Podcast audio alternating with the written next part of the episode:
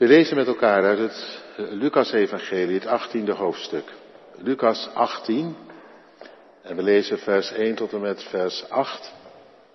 De gelijkenis van de onrechtvaardige rechter, of je kunt ook zeggen de gelijkenis van de weduwe die roept om recht, wat haar maar niet gegeven wordt.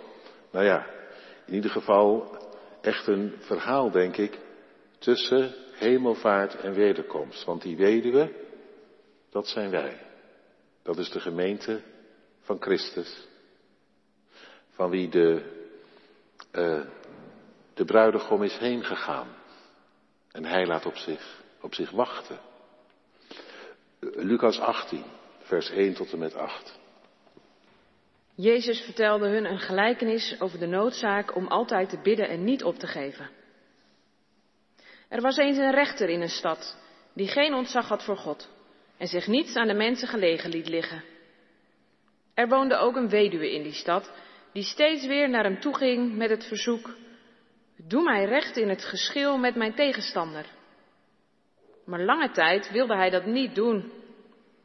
Ten slotte zei hij bij zichzelf: Ook al heb ik geen ontzag voor God en laat ik mij niets aan de mensen gelegen liggen, toch zal ik die weduwe recht verschaffen, omdat ze me last bezorgt. Anders blijft ze eindeloos bij me komen en vliegt ze me nog aan. Toen zei de Heer, luister naar wat deze rechter zegt. Al min, minacht hij ook het recht. Zal God dan niet zeker recht verschaffen aan zijn uitverkorenen die dag en nacht tot hem roepen? Of laat hij hen wachten? Ik zeg jullie dat hij hun spoedig recht zal verschaffen. Maar als de mensenzoon komt, zal hij dan geloof vinden op aarde? Dit is het woord van God.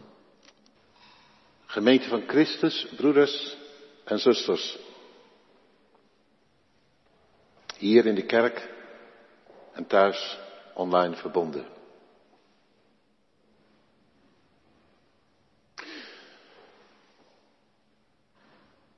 Wat zie je er eigenlijk van, van God? Gewoon in de werkelijkheid van nu. Dat Hij regeert, bijvoorbeeld. Als je kijkt om je heen, hoef je niet eens heel ver van huis. Heeft Hij het echt voor het zeggen? Bij je buren? Bij je collega's?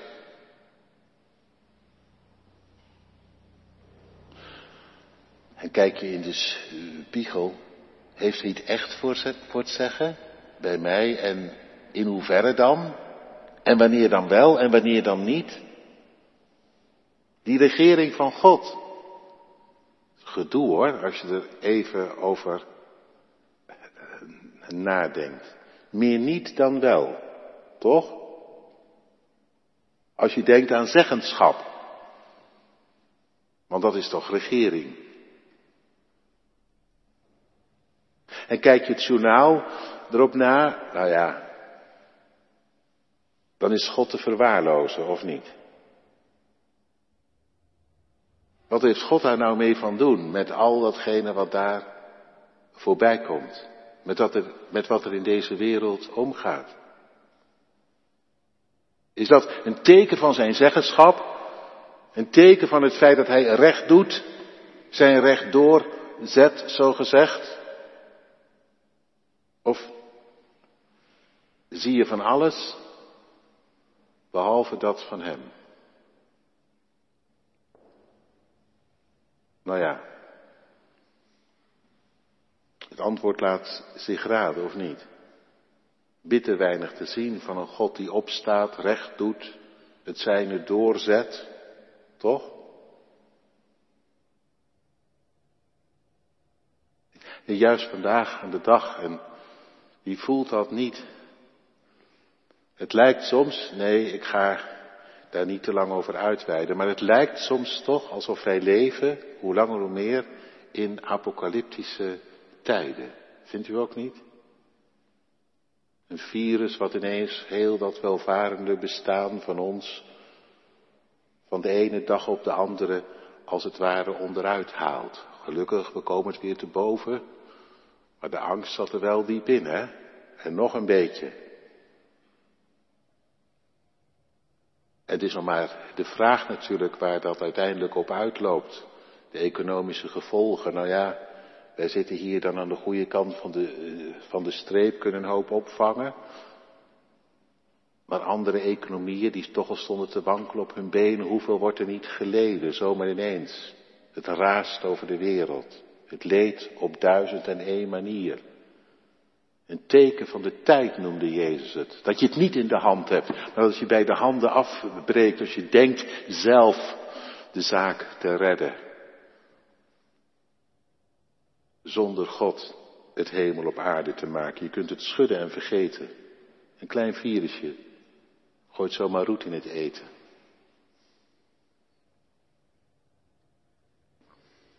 En daarbij de toenemende digitalisering vind ik een eng gedoe. Vindt u dat ook soms niet?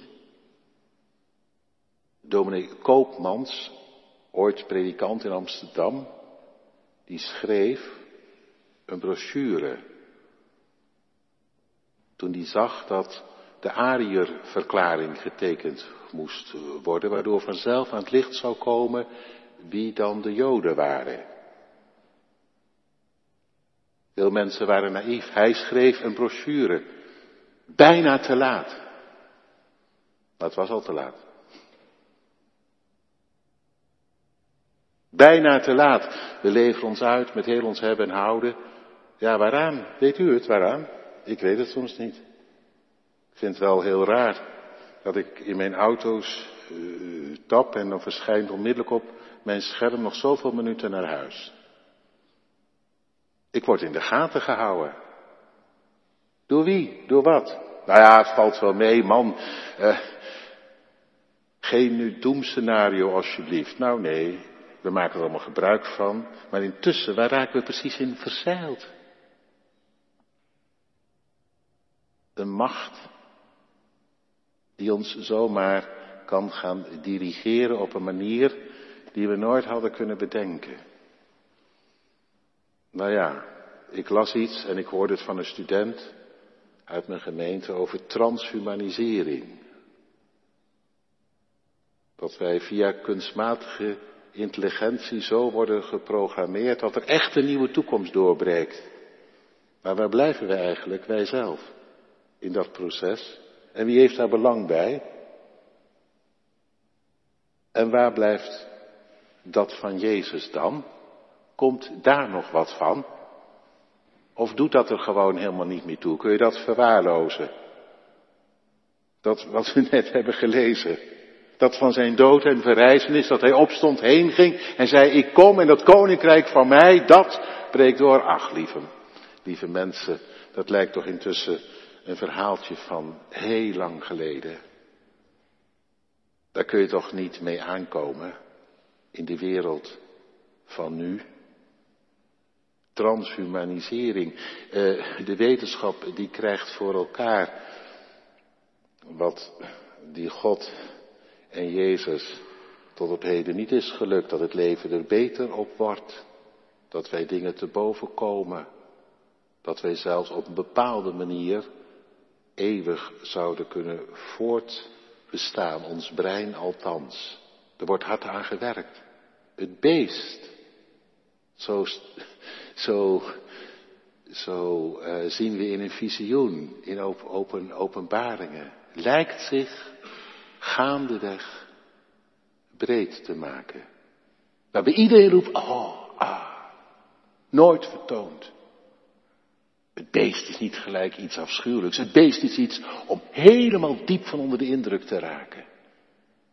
Op zo'n manier dat we er met z'n allen zomaar intuinen en achterna lopen. In de greep van het beest zitten voor we het weten. En waar blijft God dan toch? En dat van Jezus, dat lijkt al minder nog ergens op te slaan, ergens over te gaan. En ja, nou ja, om het plaatje dan even compleet te maken. Geen leuk plaatje, maar het plaatje compleet te maken. De klimaatcrisis is echt een probleem. Hè?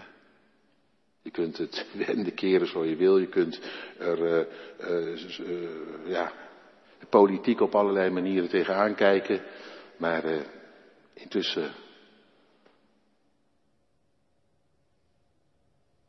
de zonsvloed zit eraan te komen op de een of andere manier.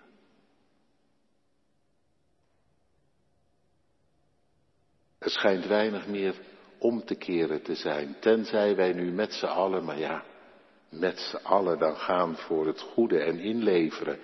En, en, en ja, ziet u het zitten? Ziet u het gebeuren?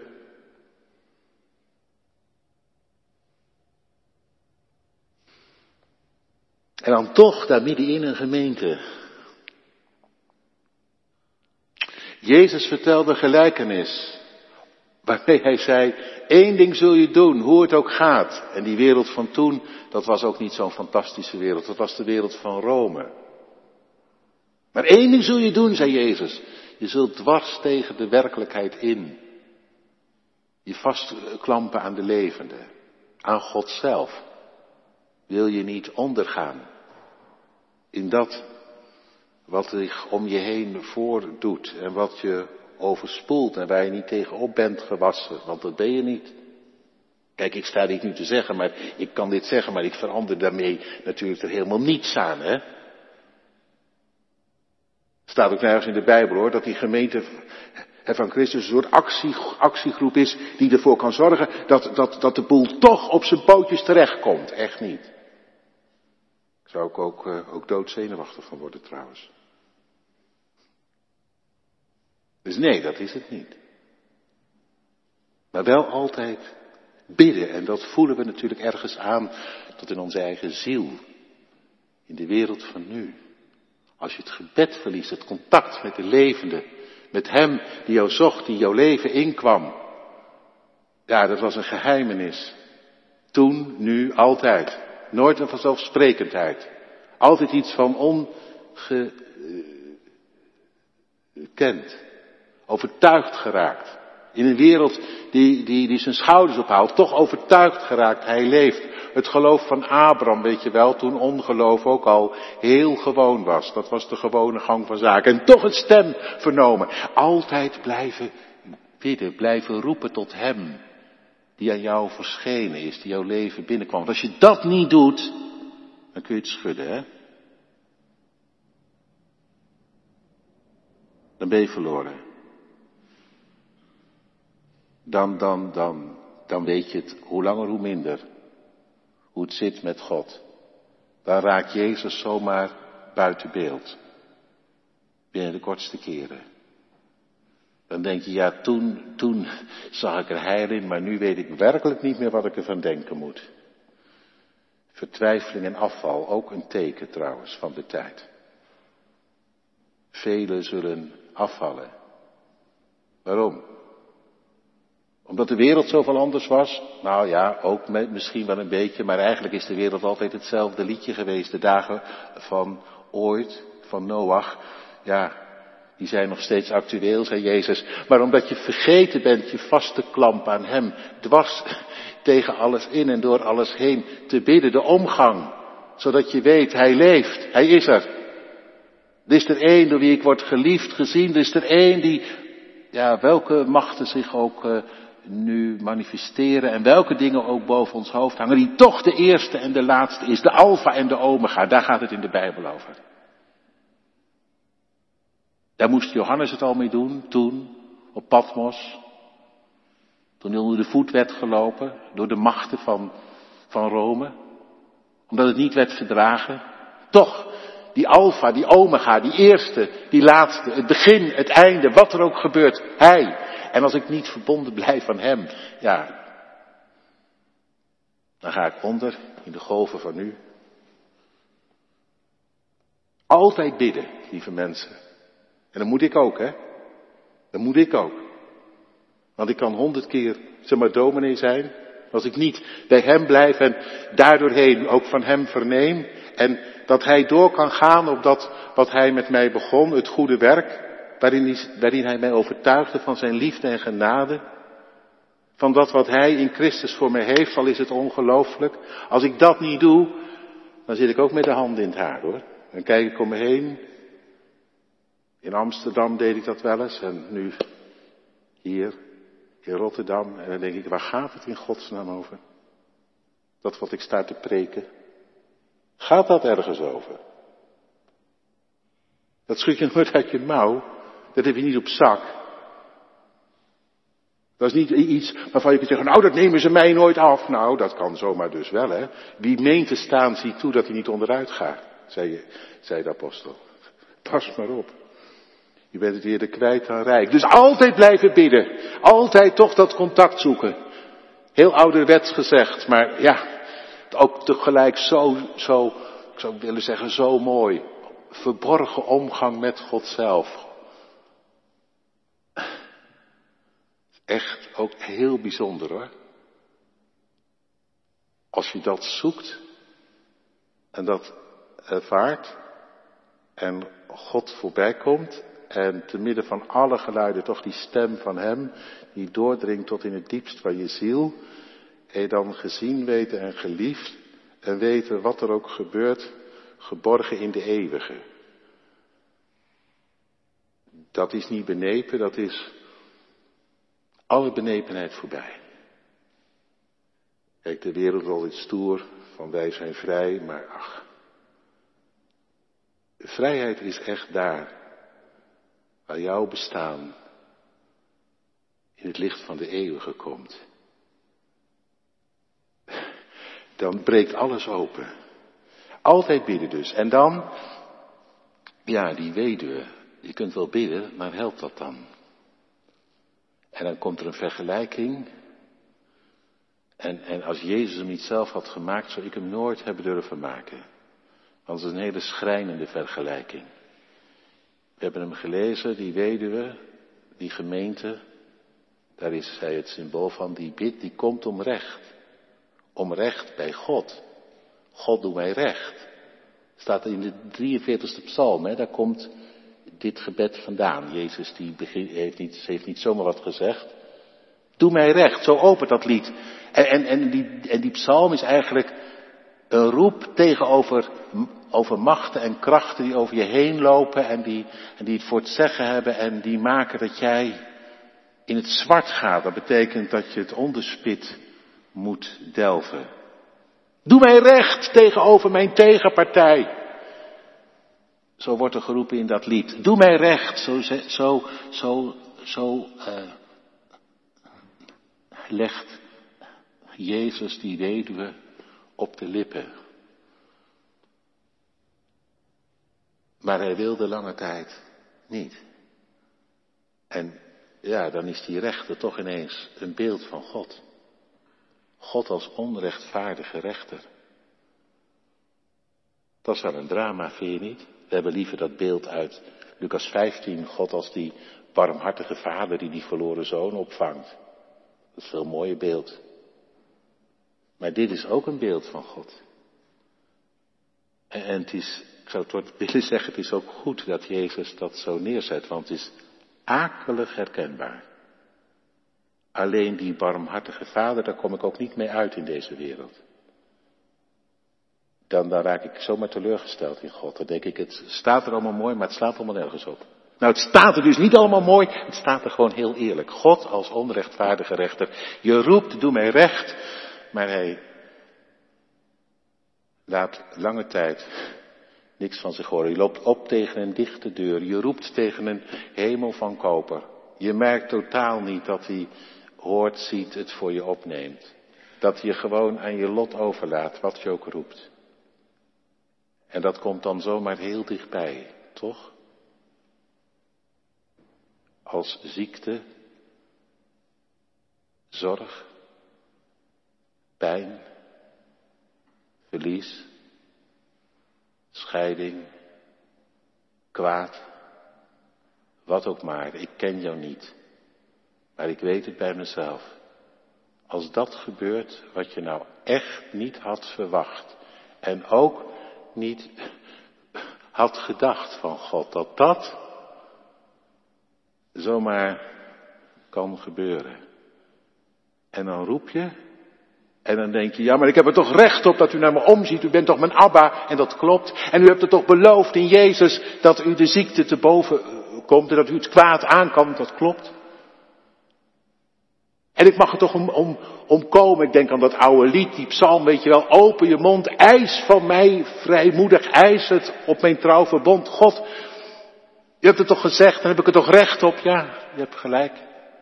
Maar hij wilde lange tijd niet. Wat is dat voor een rechter? Wat is dat voor een God? Wat koop ik daarvoor? Wat heb ik daaraan? En daar zitten wij in, hè? In die werkelijkheid. Dat ons bij lange na niet altijd recht gedaan wordt zoals is toegezegd. Want het is toegezegd hoor. Alle ellende voorbij, alle tranen gedroogd, alle kwaad erboven, alle ziekte genezen, het is toegezegd. En er zijn, er zijn dus ook mensen die zeggen, ja maar daar moet je gewoon in gaan staan hè, in die overwinning. Nou, zeg dat tegen die, uh, die weduwe. Nou, ze, dat is wel grappig. Of, of, grappig, niks grappigs aan. Maar, maar ze deed dat ergens wel. He, ze deed dat ergens, want, want ze bleef kloppen. Ze zei, u, u, kunt, u kunt nog zo lang die deur gesloten houden, maar ik ga u houden aan wie u bent. Want als u geen recht meer doet, ja, dan wordt de wereld echt een hel. En op een dag, toen dacht die rechter, laat ik nou maar doen, want zo meteen dan vliegt ze me aan. En hij was zuinig op zijn gezicht. Dat vind ik wel een mooie. Moet het dan op, die manier? Nou, Jezus die laat het even zien, voert het op. En ik zou bijna zeggen, ja, God is zuinig op zijn gezicht. Maar dan op een andere manier dan die rechter. Zal hij, hoor wat de onrechtvaardige rechter zegt, zal hij, zo staat er dan, geen recht doen aan de zijnen, zijn uitverkorenen, dat is niet een select clubje, maar het is aan hen die hij in liefde, bij wie hij in liefde voorbij kwam en die hij inwon, ondanks zichzelf. En die op hem wachten, zal hij hen geen recht doen, als zelfs zo'n zo'n rechter waar niks van te verwachten valt, zal hij, die het zei en die dezelfde is, dan geen recht doen. Uh, uh, ik zeg je, zeker, zeker. Hij redt niet alleen zijn gezicht van de betrouwbare, van degene die omziet, van degene die geen rust heeft totdat hij jou recht gedaan heeft. Maar hij houdt ook woord op een manier die je zal verbazen, terwijl het nu om te huilen is. Ja, de gelijkenis is heftig en hoopvol tegelijk. De vraag is of wij het daarmee kunnen uithouden met deze God. God die geduld heeft met ons, daar hoor je vaak van.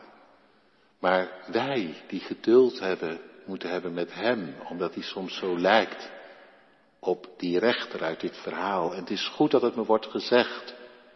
De Bijbel maakt het niet mooier dan het is. De Bijbel zegt niet, ga maar in de overwinning staan, dan krijg je alles wat je hebben wilt. Nee. Daar, val je mee om als je niet oppast. Als je alleen maar het idee hebt, God heeft jou geluk voor ogen, die bekende tekst weet u wel, helemaal uit zijn verband gerukt. En dan maar dromen van grote plannen. Of in een minder evangelische variant alleen maar zoeken naar de verbeterde versie van jezelf en God moet daar dan een handje bij helpen. Lieve mensen, dat is geloof wat het niet lang houden zou. Dat zeg ik u eerlijk. Ik ben bang dat je dat gaandeweg verliest, want het komt allemaal niet uit. Het zijn allemaal illusies die als uh, ballonnen uit elkaar dus patten. Dit geloof. Zal hij dit geloof vinden als die komt? Dat zegt, God, waar blijft u? En toch, u zult me recht doen. Dat is een geloof wat niet uiteindelijk eindigt in desillusie, Maar een geloof wat hoe langer hoe meer dwars tegen de werkelijkheid, de pijn, de tranen, de moeite in zegt. En toch, en toch, en toch. Zo waar u kwam, zult u komen.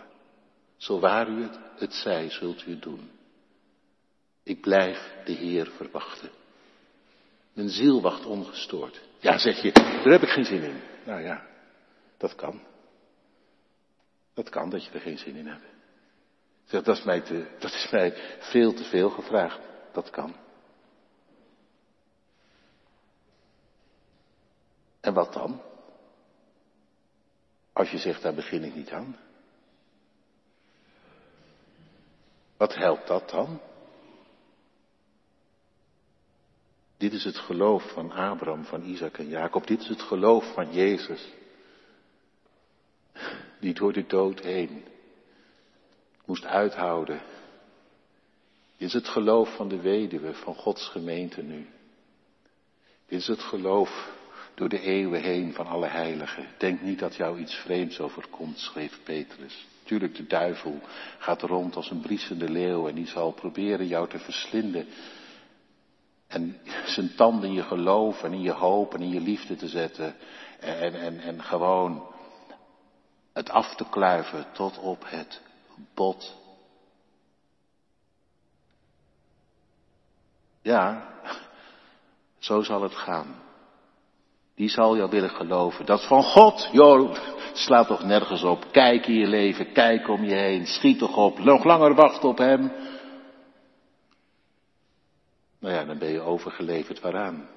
Als die rechter geen recht doet aan onrecht, aan kwaad, dan word je onder de voet gelopen. Daar zit geen toekomst in. Ik kan het niet mooier maken. Maar tegelijk zeg ik u, het is ook het beste wat je als mens kunt hebben. Eén, die waar het kwaad heerst, waar het recht op zich laat wachten, mij toezegt en toch en toch, zelfs als die onrechtvaardige rechter, dan zeker hij, die een en al recht is, hij komt. En, en in het hier en nu, zolang je klopt en roept en huilt, bewijst hij hoe trouw die is. Hoe? Nou, door in ieder geval dat ene wat hij beloofde voor nu waar te maken. Ik ben met jou.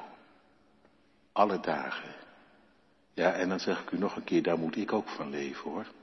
In mijn verdriet en pijn. Dat Hij er is.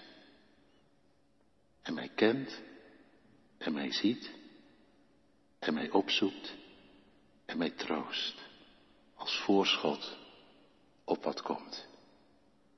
Amen.